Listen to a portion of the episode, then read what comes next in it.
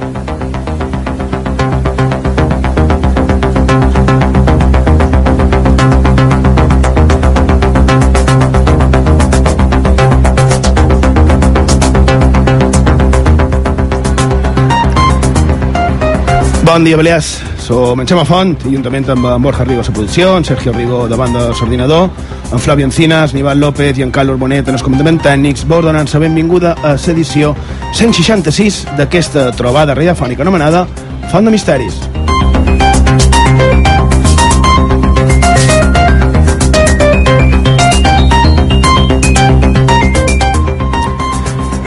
Edició especial de Font de Misteris des de la ciutat de Palma.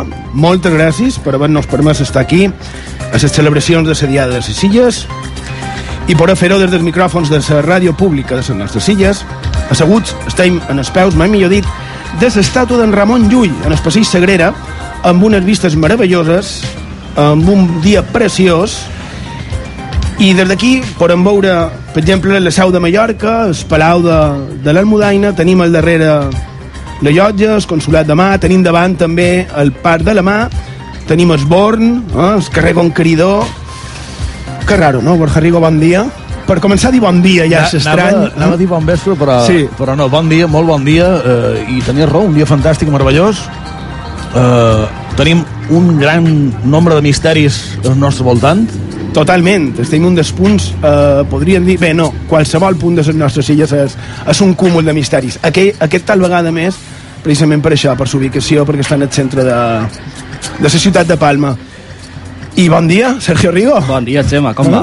Bé, tu què tal? Bé, no? Bé, molt bé, aquí. És estrany, és la veritat, estar Sí. en aquestes hores. Fa d'haver 12 hores abandonàvem els estudis d'IV3 Ràdio i, I ara tornem a estar a l'estudi exterior. Si vos sembla, per començar, faríem una miqueta de, de carnestoltes, no? de, de rues i carnavals. Ahir ja varen dir quatre cosetes, però com no tenim aturall, ens va quedar molta cosa per dir i també podem aprofitar per contar misteris, llegendes i, i curioses històries, com ha dit en, en Borja, que han passat eh, aquí, on, on estem avui. Sergio, ja t'he fet sumari. Um, sí. Va així, això. Uh, si te sembla, podries dir com contactar amb nosaltres, avui molt més fàcil que mai, perquè evidentment, de fet ha persones que s'han volgut a veure, uh, perquè estem en el carrer. Formes de contacte, Sergio. I d'avui també en aquest programa especial que feim de Font de Misteris, de, de l'estàtua de Ramon Llull en el passeig Sagrada de Palma. Ja sabeu, ens podeu enviar tot allò que vulgueu a la xarxa social del programa. Avui emprem un hashtag especial, dia de IB3, i com sempre ens podeu seguir a Facebook i Twitter cercant Font de Misteris. També ens podeu enviar tot allò que vulgueu en el WhatsApp del programa. El número de contacte és 659 16 69 52. Ho repetim, 659 16 69 52. I també, com no, en el correu electrònic fontdemisteris arroba ib3radio.com.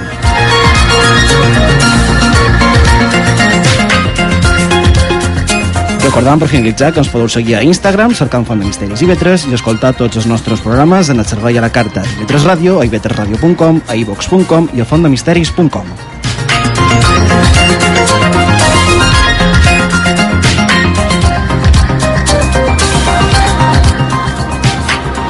I de, ja ho heu sentit, avui tots aquests dies de festa esperàvem els vostres comentaris a les xarxes socials en l'etiqueta hashtag, se diu així, Sergio? Hashtag, hashtag. Diada i Letres. Eh? I si un cas, si te sembla, podríem fer una miqueta d'agenda per les coses que se pot fer a motiu de la diada avui, per exemple, avui diumenge dia 26 de febrer, amb aquest preciós dia eh, al Manco a, a ciutat, no? I de molts zones de jocs, edificis i museus que realitzaran jornades de portes obertes avui a les Illes Balears.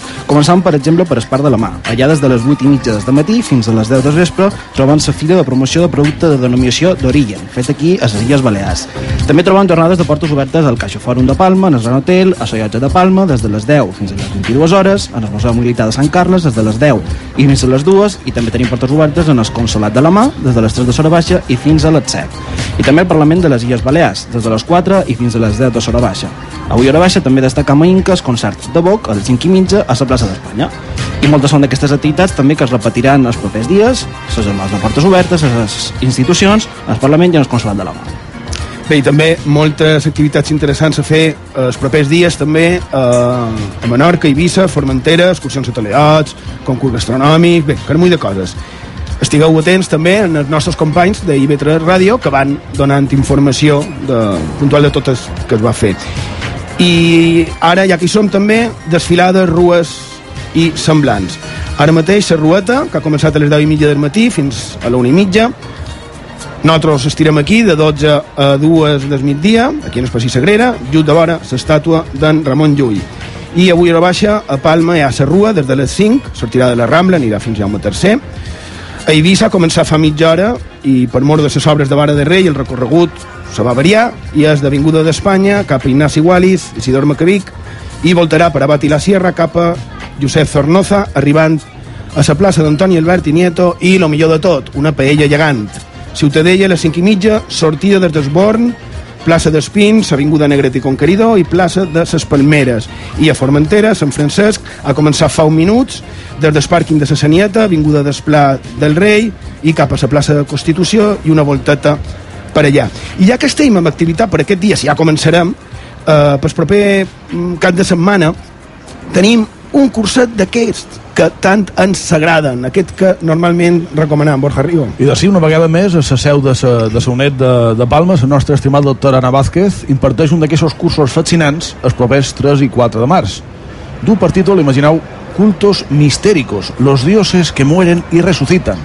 Y según la descripción de su propia UNED, este curso sobre religiones antiguas tratará sobre el concepto de iniciación que llevan los fieles de las denominadas religiones mistéricas antiguas, los ritos secretos que se suponen y los diferentes cultos y sacerdotes de los diversos dioses jóvenes que sufren pasión, mueren, resucitan y con ellos sus fieles adoradores, inmortales igual que las divinidades a las que adoran. Casi ras. Mm. Estirà estructurat en quatre xerrades repartides entre divendres hora baixa dissabte de matí i seran set següents. El descenso a los infiernos en el próximo Oriente Antiguo, Osiris e Isis y los misterios egipcios, los misterios tracofirgios y Dionisos Zagreo Baco i los cultos eleusinos. I a més, com sempre, se podrà fer de manera presencial a través d'internet també, mitjançant de streaming o bé en diferit. I més, també amb un preu prou que bastant atractiu, que serà només 20 euros. I això és a la seu de l'UNED de Palma, que està en el polígon de Son Castelló, i també mitjans a xarxa. Això també és molt interessant perquè no te fa falta haver d'anar presencialment i, i la veritat és que solen ser molt interessants. I a més amb aquest títol, no? Dioses que mueren i resuciten en la doctora Vázquez Ois, que més no podia tenir un títol eh, més adient no? per, per un programa com el d'avui, ja veureu per què, perquè al final tot sempre està lligat.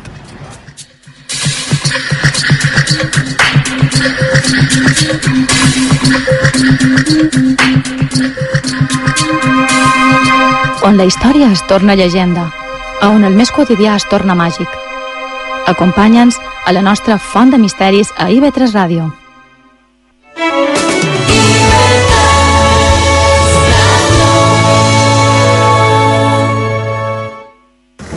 Felices os veo. Sí, acabamos de reservar en Halcón Viajes y Viajes Ecuador nuestro crucero con costa. Descubre lo mejor del Mediterráneo desde solo 549 euros con bebidas incluidas y el mejor servicio a bordo. Salidas desde Palma. Con Costa Cruceros, la felicidad se multiplica. Reserva en el 900-842-900 o en Halcón Viajes y Viajes Ecuador.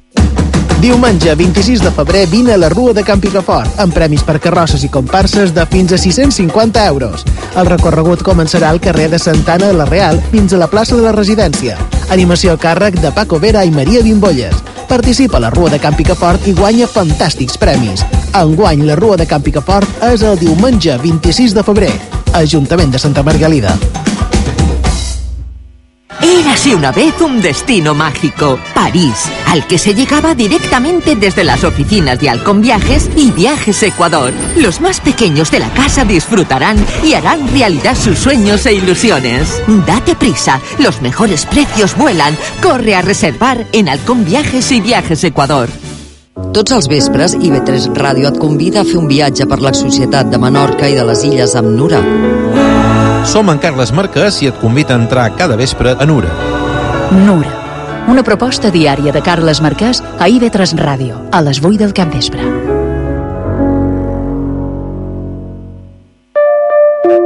Ara mateix podríem fer un joc amb xifres i demanar-te si recordes quina és l'arrel quadrada de 144, plantejar-te quantes cares té un dodecaedre, veure si saps el número atòmic del magnesi o quants eren els cavallers de la taula redona.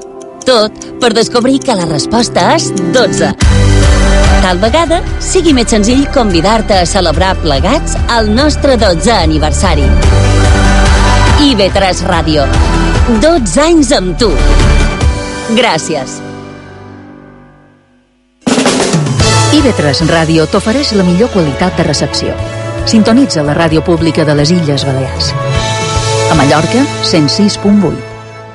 Misteris i llegendes a Font de Misteris, amb Xema Font.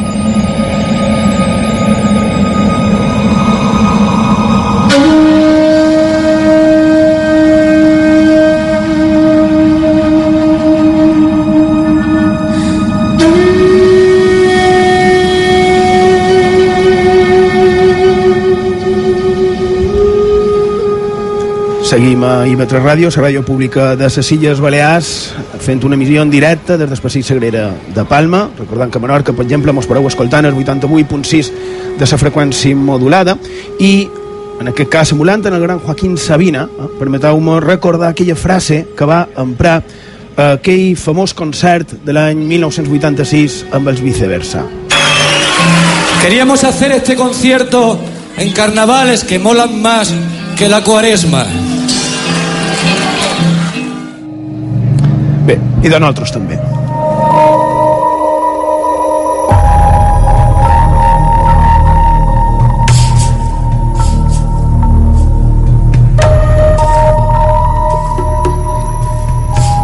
I és que ahir vàrem estar parlant també de la importància de les carnestoltes, no? Fins i tot amb esdeveniments succeïts directament a les nostres illes, esdeveniments tràgics. I tant és així que ja vàrem veure només un parell d'exemples, perquè n'hi ha molt més, no?, de, de prohibicions. I ho varen dir, això de les prohibicions de les carnestoltes vendria suposadament arrel dels problemes generats a causa dels excessos comesos per part de, de la població. Però també per mor de, de que es podien amagar, no? dissimular actituds sospitoses i, i semblants. De fet, ja ho varen veure els germanats, que, que eren lliures, aquells que encara no havien estat aclepits, just en el començament de, de la revolta, quan ja hi havia un, un parell d'ells que estaven empresonats, i els que eren lliures es sabia que, que es volien aixecar, no? Però encara així, aprofitant els aldarulls dels dies de Carnestoltes, varen poder organitzar-se no? i començar aquell episodi anomenat les Germanies. Així que és ben lògic, no? S'havia d'evitar aquest tipus de situacions, s'havien de, de restringir, s'havien de prohibir. I un pensa ràpidament que mm, això ho devien fer els governants, el que, els que manaven. I doncs sí, clar, però no només ells.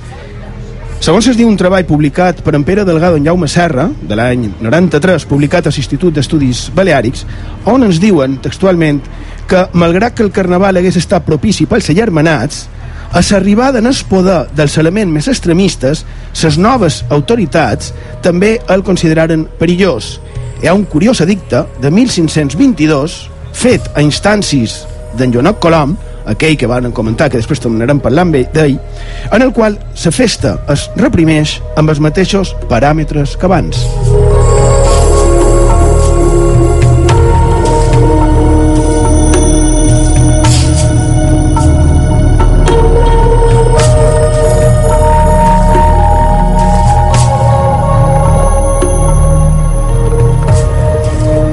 És a dir, que dels que s'havien aixecat contra els poderosos aprofitant les festes de carnestoltes, vist el perill que hi podia haver que aquests dies, també varen prendre la mateixa decisió i ho varen regular de manera ben semblant en els altres.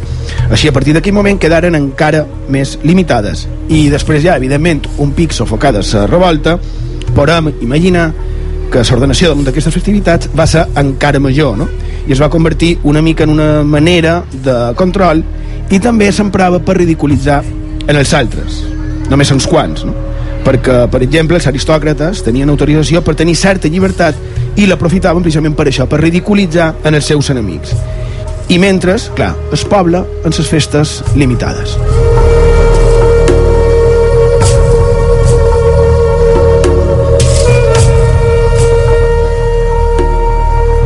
I la veritat és que val la pena pegar una ullada, perquè a vegades, on el que un bou costa creure-ho, no? Mireu si estava sovint permesa la la situació, no? la permissivitat, podríem dir, en el carnaval, que ens trobam amb un edicte fet per Carnestoltes de 1599, on es diu que es prohibeix anar amb màscares deshonestes i totalment despullats o portant o dient o fent coses que ofenen el suïs i l'honestitat dels que miren o escolten i també, eh, això també repeteix al llarg del temps, fer màscares o disfressos d'avis religiosos o de capellans.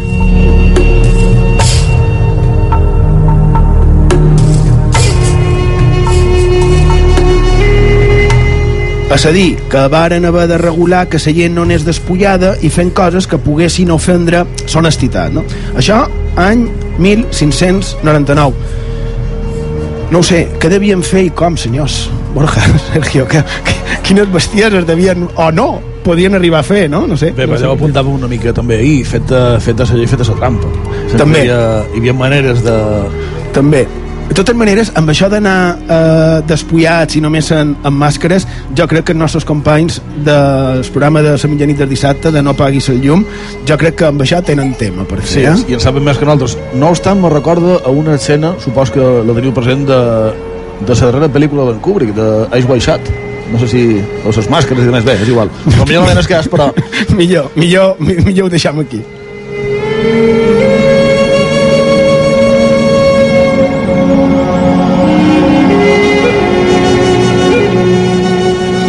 També, clar, els desfessos eren aprofitats pels, pels dolents, no? per cometre delictes o bé per fugir de la justícia. Podries passar de ser percebut i tal vegada no imagina ningú de- d'aquella màscara, darrere darrere d'aquelles barbes postisses i armes que podrien ser interpretades com a part de la disfressa hi podria haver un bandoler eh? un bandoler que podria fugir per exemple, que estigués assetjat a, a qualque punt i aprofitant això podria fugir i en aquest cas també quan un aprofundeix quan un sap més del tema dels, dels bandolers i crec que també Sergio Borja estireu d'acord en jo que eh, s'ha perd una miqueta aquesta part romàntica perquè un veu ses bestieses que, que s'arribaven a, a cometre no? Sí, a més és un, és un tema que, el que tu dius, tenim a lo millor, sobretot certes generacions de, dels oients que, que me l'estan escoltant, a lo millor se'n recorden del clàssic bandoler romàntic de la televisió, no? que eren Exacte. Curro Jiménez. Uh, en aquest anava jo, per Uh, exemple. la realitat és molt diferent. És molt més bèstia, molt més desagradable, molt més uh, atormentada i, i molt I- més terrible. I molt més tràgica.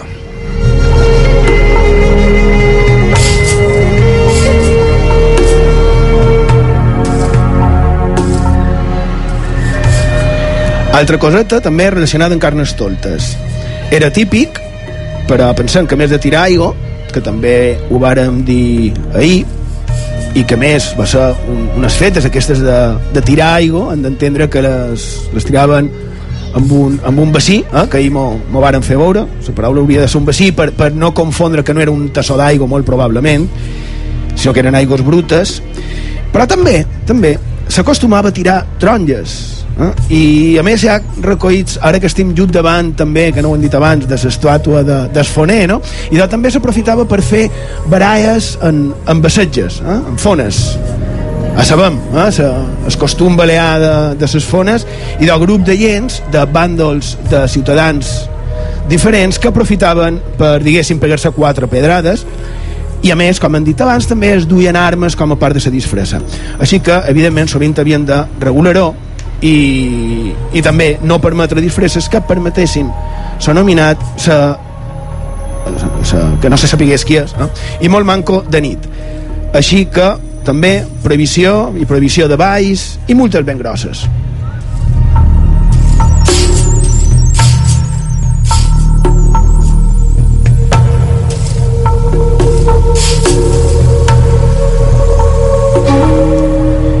I clar, aquestes prohibicions eren constants en els temps. Tant és així que, per exemple, l'any 13, 1913, que per cert, no sé si és per aquest any això de la dita ibicenca, però eh, aquell any, el 13, l'any també de, del naixement d'en de, Villan Gómez, després el citarem, supos que arribarem a citar-lo, i de bàndol municipal, el batlle de Vila, en Recaredo Jasso, autoritzava s'ús de disfressa i careta, però només de sol a sol. Eh? I com ja hem vist tant ahir com avui, es prohibia també fer paròdia eh, que pogués ofendre la religió, els bons costums o les persones. Eh? Res de vestits religiosos, militars, eh, oficials i de semblants. També la indecència era prohibida, tampoc, segons quins discursos, insultar, demostrar incultura.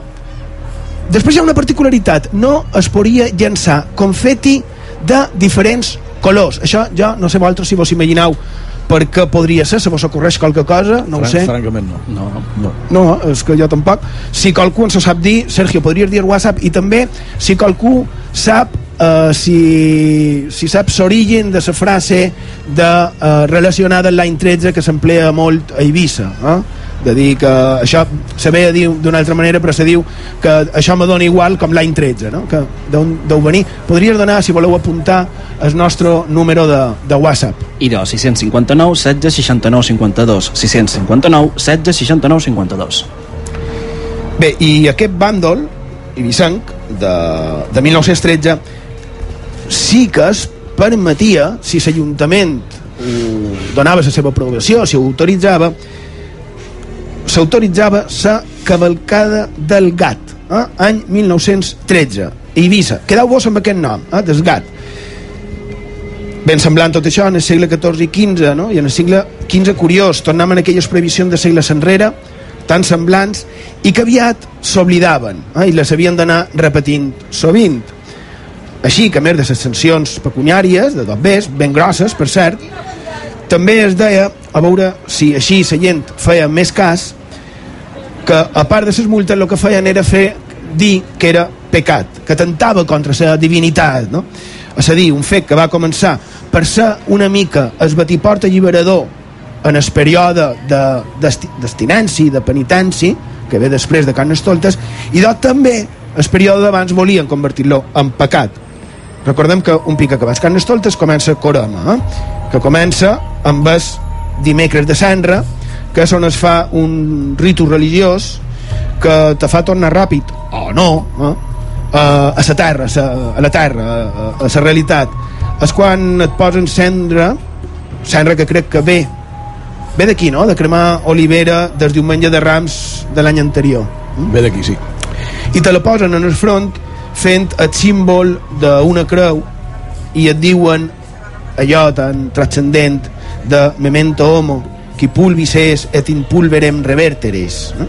que vol dir allò de que recordem que no som més que pols i que com a pols acabarem ja se sap, la fragilitat de la vida, no? lo breu que és el nostre caminar per aquest món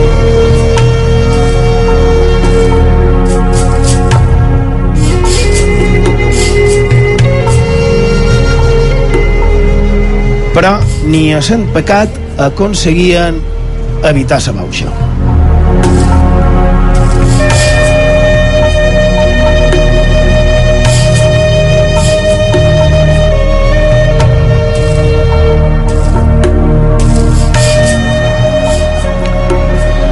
I en el final no quedava altra opció que legislar.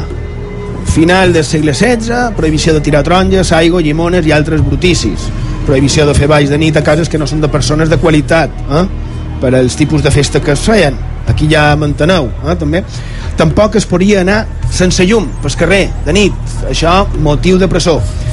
I al final, com he dit abans, sovint el carnaval es convertia en una festa només per l'aristocràcia, convertir-se en una mena de mostra de festes dels altres, manifestant un poc el seu poder, estant el poble quedant el poble fora. El poble mirava i, per exemple, a Palma, uns quants passejaven fent exhibicions just aquí davant, no? en, es, en Esborn. I així se va anar repetint fins ben entrat al segle XVIII.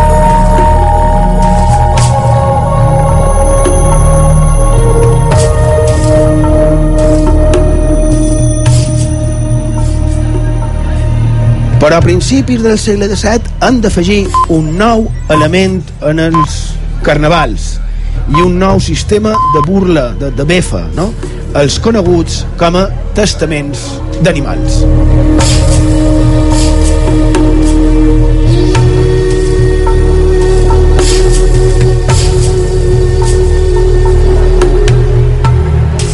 De 9 de febrer de 1601, el virrei de Mallorca diu que sap que s'estan moguent en paper, eh, 1601, per la ciutat de Palma, unes coples o, o unes rimes que són infamatòries, no?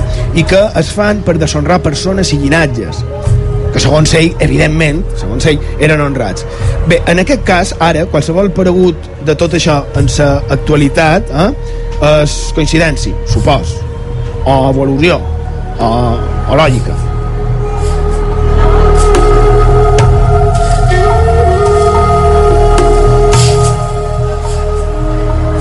1601, per cert, eh, en el qual el virrei era en sa Noguera, que tenien problemes molt grans en sos Canamunt i sos Canavall, que acaben ja de començar en sèrio les seves grans brogues per, per ciutat i per, i pels pobles veïnats. Que com vàrem comentar ahir, crec que va ser ahir, però no sé si va ser abans del programa d'ahir, durant el programa o després, després. que eh, un dels orígens d'aquestes bregues dels Canamunt i Canavall va pre començar precisament per els carnestoltes no? Efectivament. d'aquell anys um, es tracta de d'uns escrits aquest que comentàvem del virrei amb un nom tan curiós com per exemple és Testament del Porc eh? també el Testament del Moix eh? fixeu-vos i altres noms semblants i com deia el virrei eren emprats per ficar-se una mica en qualcú aprofitant una altra vegada les carnestoltes com a moment de permissivitat no? havien passat quasi 100 anys de lo que dèiem de les germanies i, i d'aquestes prohibicions més, més diguéssim taxatives. I el virrei diu que sap que, que hi ha això aquests pamflets. Els prohibeix i el dia següent li confirmen que realment n'hi ha, que les seves sospites eren certes, ja que va haver de publicar un edicte en contra dels que havien penjat aquest anomenat testament del porc, ara veurem què és o què era, i de el penjaren en els carrers, no? I en aquest cas el van penjar en el carrer Morell, de Palma, i en el virrei no li va fer molta gràcia.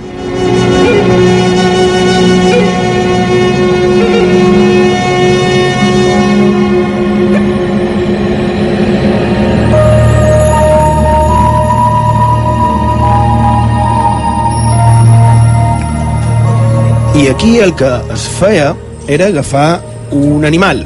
Per exemple, no sé si és un porc. Era bé o l'animal com a tal o bé un ninot, no? fet de, de drap, en el qual se tractava com si fos tot el món. El veneraven, el cuidaven, l'entronitzaven fins i tot. I després, en el final de Carnestoltes, aquest ninot eh, feia testament eh? perquè després moria.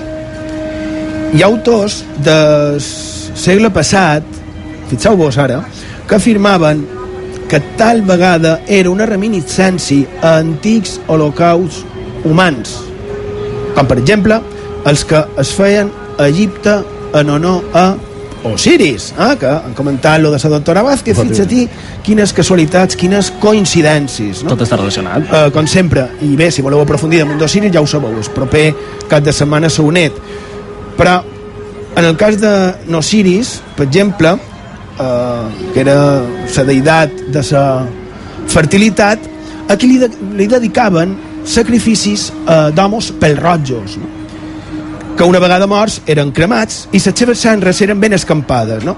Diuen que amb una mena com a de ventiladors en la finalitat de fecundar la terra. No? La, la terra havia d'estar fecundada per aquesta pols. Després aquest tipus de sacrificis varen ser substituïts per animals i d'allà en aquests déus semihumans, semianimals, podria ser, no?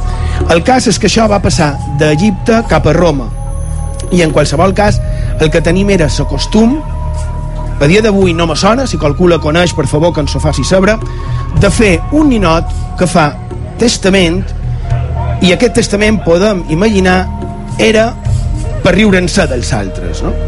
I en el final va acabar que es convertia en una mena de, de paròdia de qualcú. El ninot representava qualcú que en el final moria. I mentre tothom, com sol ser habitual, fent festa en el voltant i el protagonista feia paròdia de testament. Després es cremava simbòlicament, o bé en forma de ninot, i es repartien les restes enterrant-les, eh? tal i com es feia en les religions mm, precristianes. Eh? I el més curiós és que l'enterrament d'aquest ninot, o fins i tot d'un animal, es feia per parts i separant-los, just igual que Osiris. I això per concloure les carnestoltes, de la manera, podríem dir, com comencen, la manera més atàvica.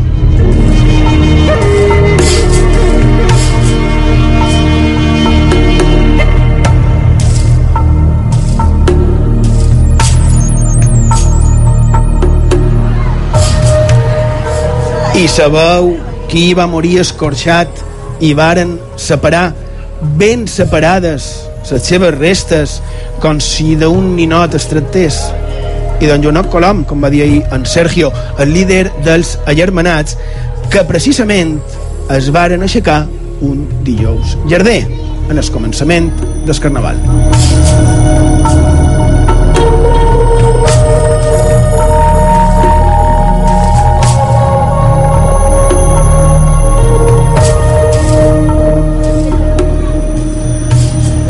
I tot això venia per lo dels testaments dels animals en carnestoltes.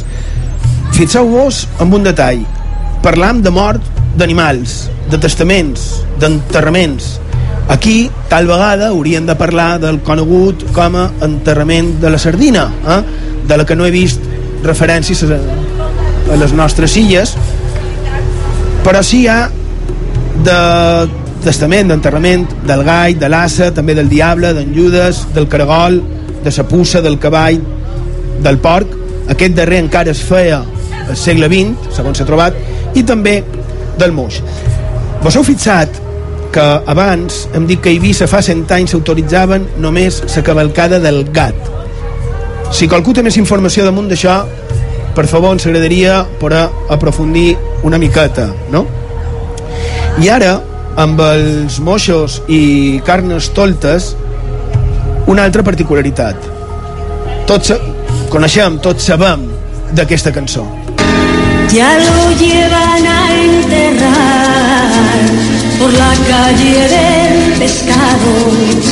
Las gatitas van de luto y los ratones bailando. Ale, pum, ale, ale. Y los ratones bailando.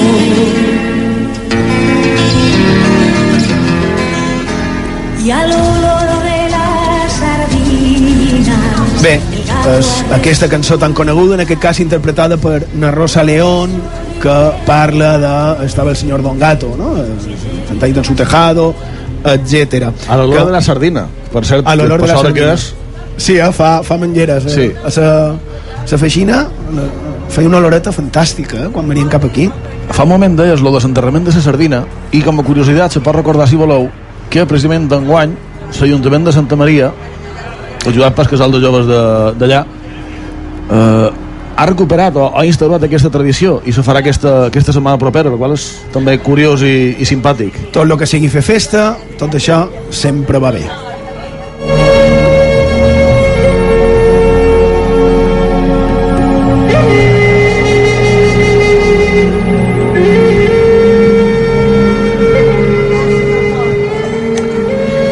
I com ha dit ara en Borja també, eh, en aquesta cançó eh, els moix ressuscita eh, Baixoló de, de la sardina, no? I després diu, eh, i, això, mm, i per això se, de, se va demostrar que eh, set vides tenen els moixos, no? Val?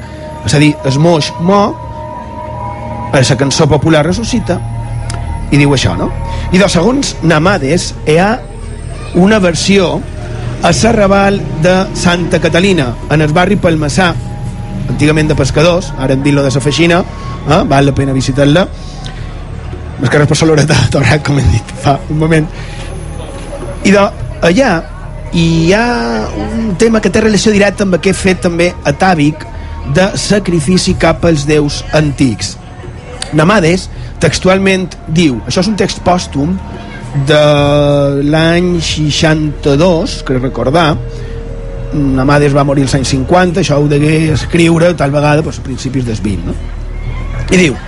La chiquillería del barrio de Santa Catalina de la ciudad de Palma de Mallorca había representado las bodas y la muerte del gato en términos que no nos ha sido dado precisar.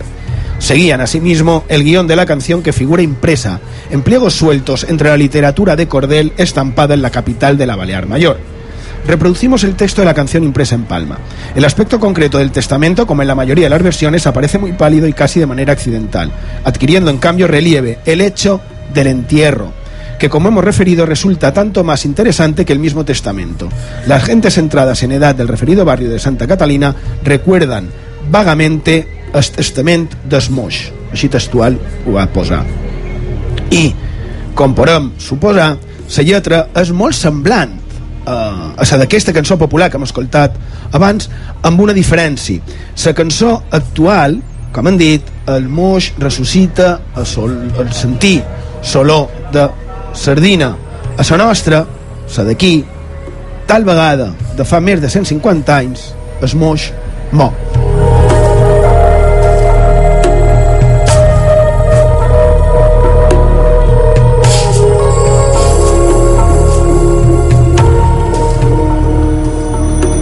No ressuscita es mo, fa testament i aquest testament després eh, forma part de tot aquest costumari nostre no?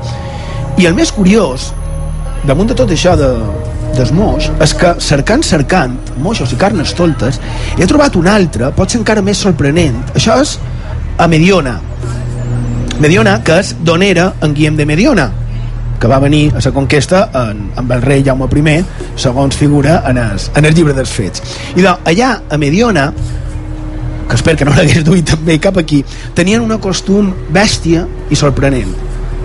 A carnes toltes es penjava, parlarem en passat un moix viu d'un arbre.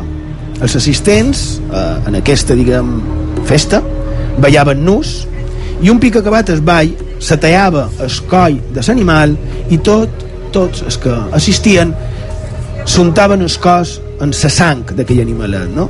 I, i això ho feien per tal de protegir-se d'encisos un altre que també es feia era disfressar-se de moix una parella i just després de ses noces com en aquesta cançó que hem escoltat i com en el barri de Santa Catalina no fa molt, se feia un funeral.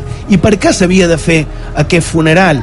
I doncs en aquest cas perquè després de, de l'enllaç, del matrimoni d'aquests dos moixos, després feien l'acte sexual i la moixa matava en el moix com a ritus de fertilitat per preparar la terra per a la propera coita.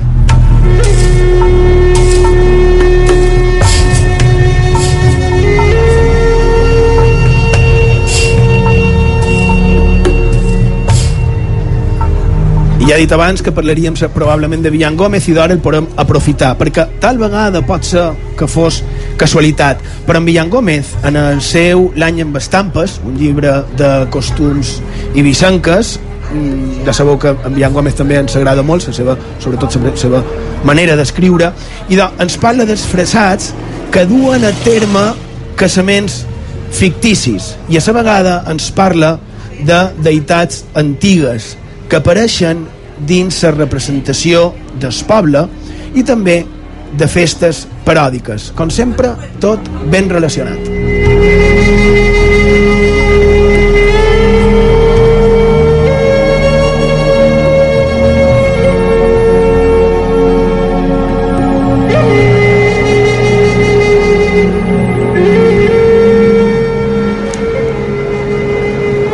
Curiós, no? Quantes coincidències. I també tenim les disfresses com a tal, no? Ara aquí davant nostre podem veure com va passant gent que evidentment va disfressada. Però a vegades, avui, motiu de festa i de bauxa, però les disfresses a vegades te poden salvar la vida, també n'hi ha disfresses que te poden ficar en un problema, les que serveixen per riure-se, no sé, tot això ho hem comentat um, fa un moment, també eh, hem parlat de dels moixos i ara, moixos, disfresses moix, gat, eh? se confon la nostra comunitat, la nostra parla se confon massa el moix i el gat que te sembla, Borja, si ens contes aquesta història tan curiosa, no?, i tan, tan innocent tal vegada o no, d'aquell fuster a prop de Montición, just aquí, a un, a un tir de bassetge, eh? des d'aquí. Per a un pedra o un taronja? Lo com tu preferesquis. En taronja, que si cau no fa tant de mal.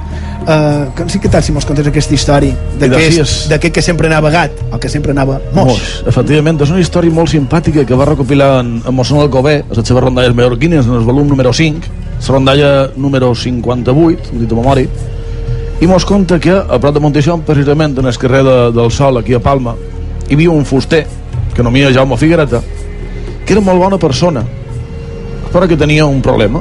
Eh, bevia sempre, sempre estava gat, sempre estava moix. I clar, els seus amics, una mica cansats d'aquesta situació, decideixen precisament gastar-li una broma. I aprofiten una d'aquestes grans gateres per agafar-lo, per vestir-lo de franciscà i per ficar-lo dins el convent de Sant Francesc, que també està just aquí de vora.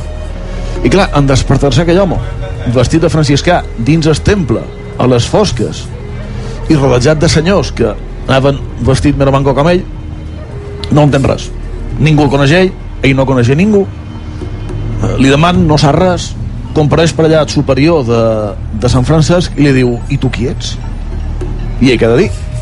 No ho té clar, la veritat. Diu, eh, crec que som en Jaume Figuereta es, es fuster del carrer del Sol, però no estic segur li diu en el superior que vai a la fusteria i que li demani a sa, a sa dona que ja està. I si no hi ha en Jaume Figuereta és ell. I si hi ha qualcú allà i de no, no és ell.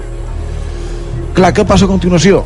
que el superior del convent va a la fusteria li demana a sa madona. Si hi ha en Figuereta no hi és evidentment per tant que demostrar que sí que és el senyor allà disfressat. I com acaba la història? i doncs que que sa dona molt enfadada evidentment va a Sant Francesc agafa per les en el gran bevedor, el duque seva, l'estormia, suposam, això no ho diu la rondalla, però és, és fàcil d'endevinar, i després d'aquest eh, fet, se suposa que en Jaume Figuereta eh, va quedar salvat no, de, de ser el problema amb la beguda. Sí, això segons, a causa de... això segons la rondalla. Sí, això no? segons rondalla, a causa d'una sí. disfressa que, que li havien portat els seus amics, una disfressa sí. de, de franciscà. Curiós, mira, ahir justament, ahir va ser, si ahir vaig anar al cine, no, que si no faria un spoiler, res, que quantes històries podríem treure rere des, des desfressos. No? Que per cert, ara tinc davant meu un impreciós vestit d'en Spider-Man, que és una monada. Uh, ha vist també uh, molt de desfressos de, de coses de por, no? Mm, L'actual Halloween no ho sé, tal vegada. No podríem concloure que és una mena d'extensió del carnaval en pla temàtic. No ho sé, dic jo.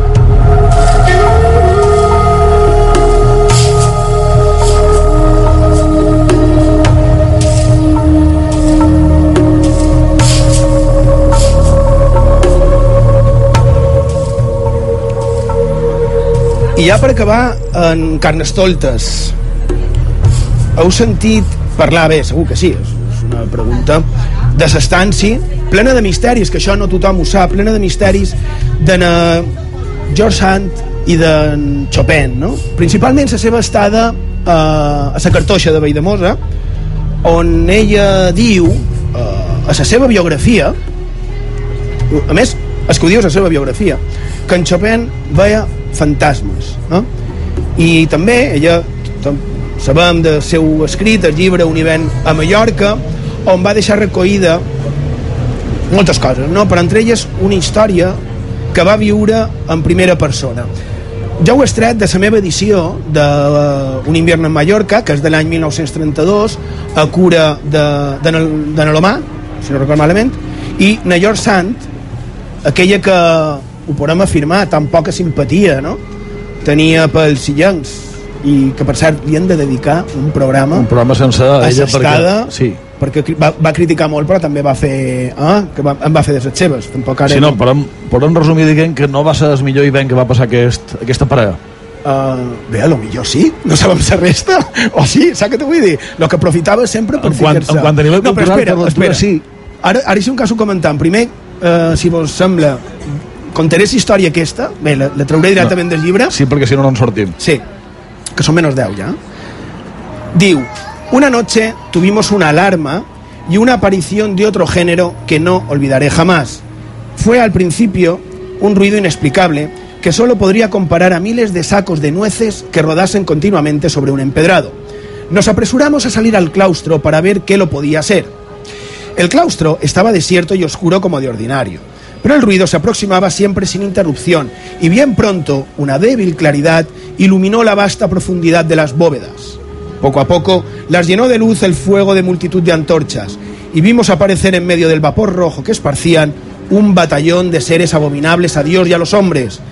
Era nada menos que Lucifer en persona, acompañado de toda su corte, un señor diablo todo negro, con cuernos y cara color sangre, y en torno de él un enjambre de diablillos con cabezas de ave, colas de caballo, oropeles de todos los colores y de diablos o pastoras con vestidos blancos o rosados que tenían el aspecto de ser arrebatadas por esos feos gnomos.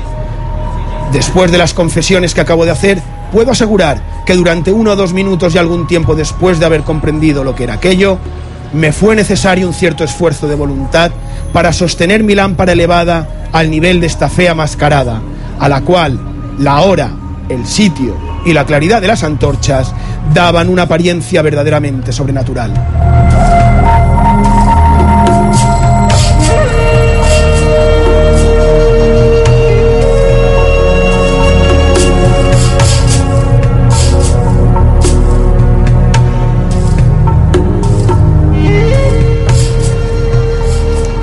Eran gentes de la villa, ricos labradores y semiburgueses que festejaban el martes de carnaval i venien a establecer su baile rústico en la celda de Maria Antònia. Bé, i després ja comença, com era habitual en ell i com deien abans, i dèiem abans i comentàvem, amb els improperis, amb les desclassificacions, que si màscares asqueroses, que si fa falta valor per escoltar les castanyueles, que si són salvatges, que si se gent podia, és a dir, que, que feia mal olor, però a part de lo simpàtic no? d'aquesta anècdota està allò de aneu alerta no sigui que vos pugueu confondre i penseu que estan, estem, que esteu davant del que no és. I que en el final no sigui més que una desfressa. A IB3 Ràdio, Font de Misteris, amb Xema Font.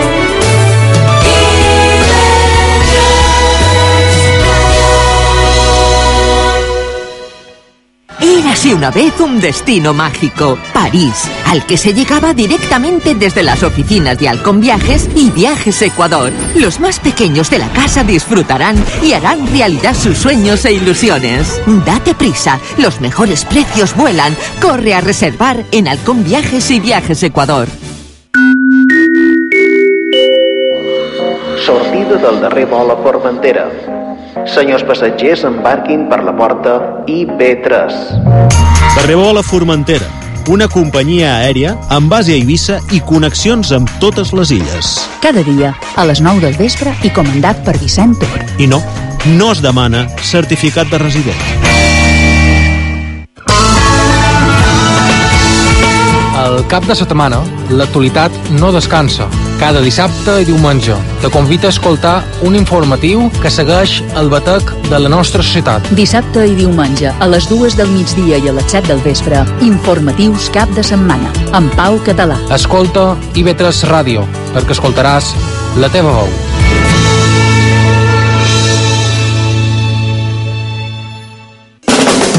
IB3 Ràdio t'ofereix la millor qualitat de recepció. Sintonitza la ràdio pública de les Illes Balears. A Pollença, 101.1. A IB3 Ràdio, Font de Misteris, amb Xema Font.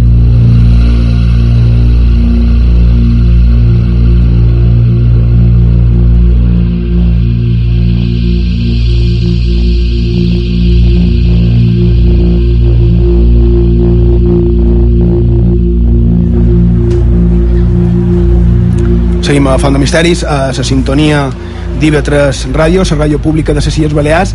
En aquest moment estem en directe en el passeig Sagrera, just de vora, l'estàtua d'en Ramon Llull, mm, impressionant, un dia preciós, moltíssima gent passejant pels carrers, fent, companys, una edició especial, matinal de, de Font sí, de diferent. Misteris. Fi- En el final els continguts mm, venen a ser els, els habituals del programa. Evidentment hem estat parlant de aquests primers 55 minuts de, de Carnaval, de Carnestoltes, no?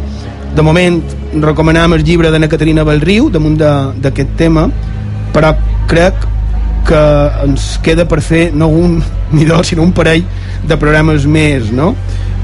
A part, una altra cosa, eh, havíem dit que diríem que era el dijous llarder. Sí, va quedar pendent sí. ahir vespre, sí. Sí, i de, simplement és dijous abans de dimecres de Senra i que juntament amb els següents dies, fins als dimecres, eh, són aprofitats per fer festa.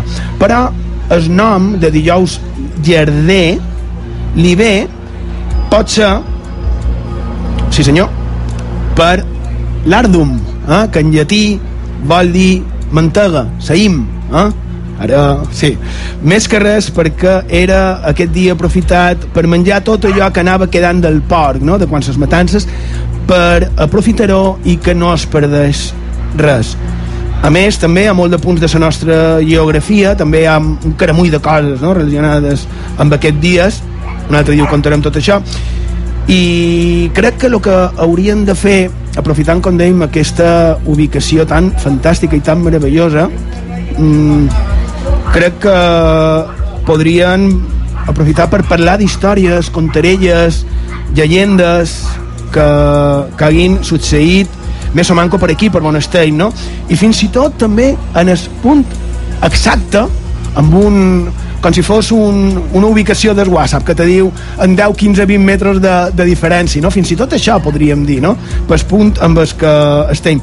I recordem també que eh, ens podeu venir a, a veure, a veure a set d'IV3 Ràdio, eh, també podeu contactar amb nosaltres, com sempre, en Sergio. Mm, veig que has plegat l'ordenador però que tens un parell de telèfons per aquí damunt. Mm, has penjat fotos Hem has... penjat fotos, ja sabeu, ens podeu seguir a Facebook i Twitter, a Can Font de Misteris, amb la hashtag i l'etiqueta via de IB3, també en el correu electrònic, fontdemisteris arroba ib3radio.com i els WhatsApp 659 16 69 52 659 16 69 52 Fantàstic. També eh, recordam que tenim eh, tots aquests actes que, que estan preparats no? per la diada, per dia de la diada.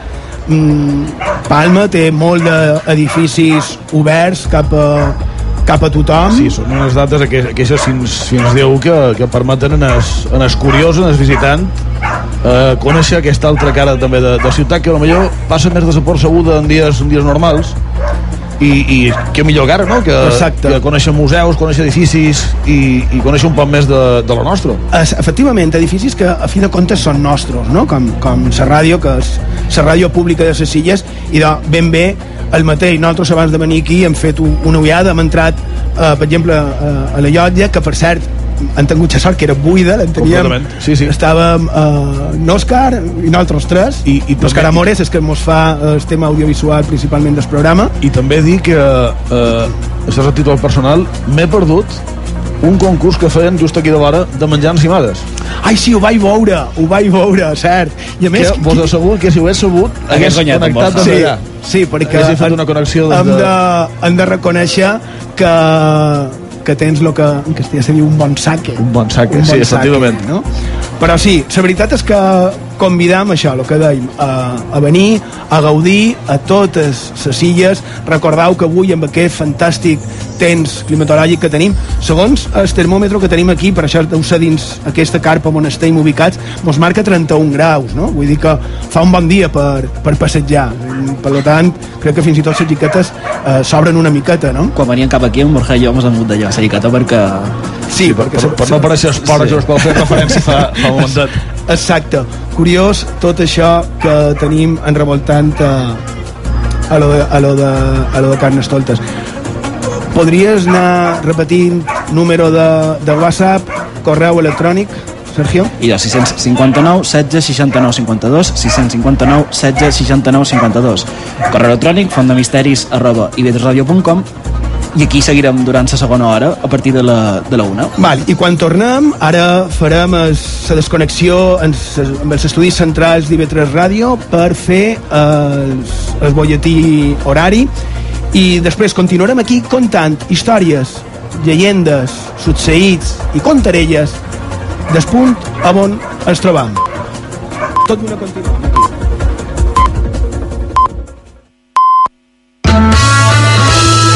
Serveis informatius d'IV3 Ràdio. Les notícies de la una. Bon dia. Cap institució, ni govern balear ni Consell de Mallorca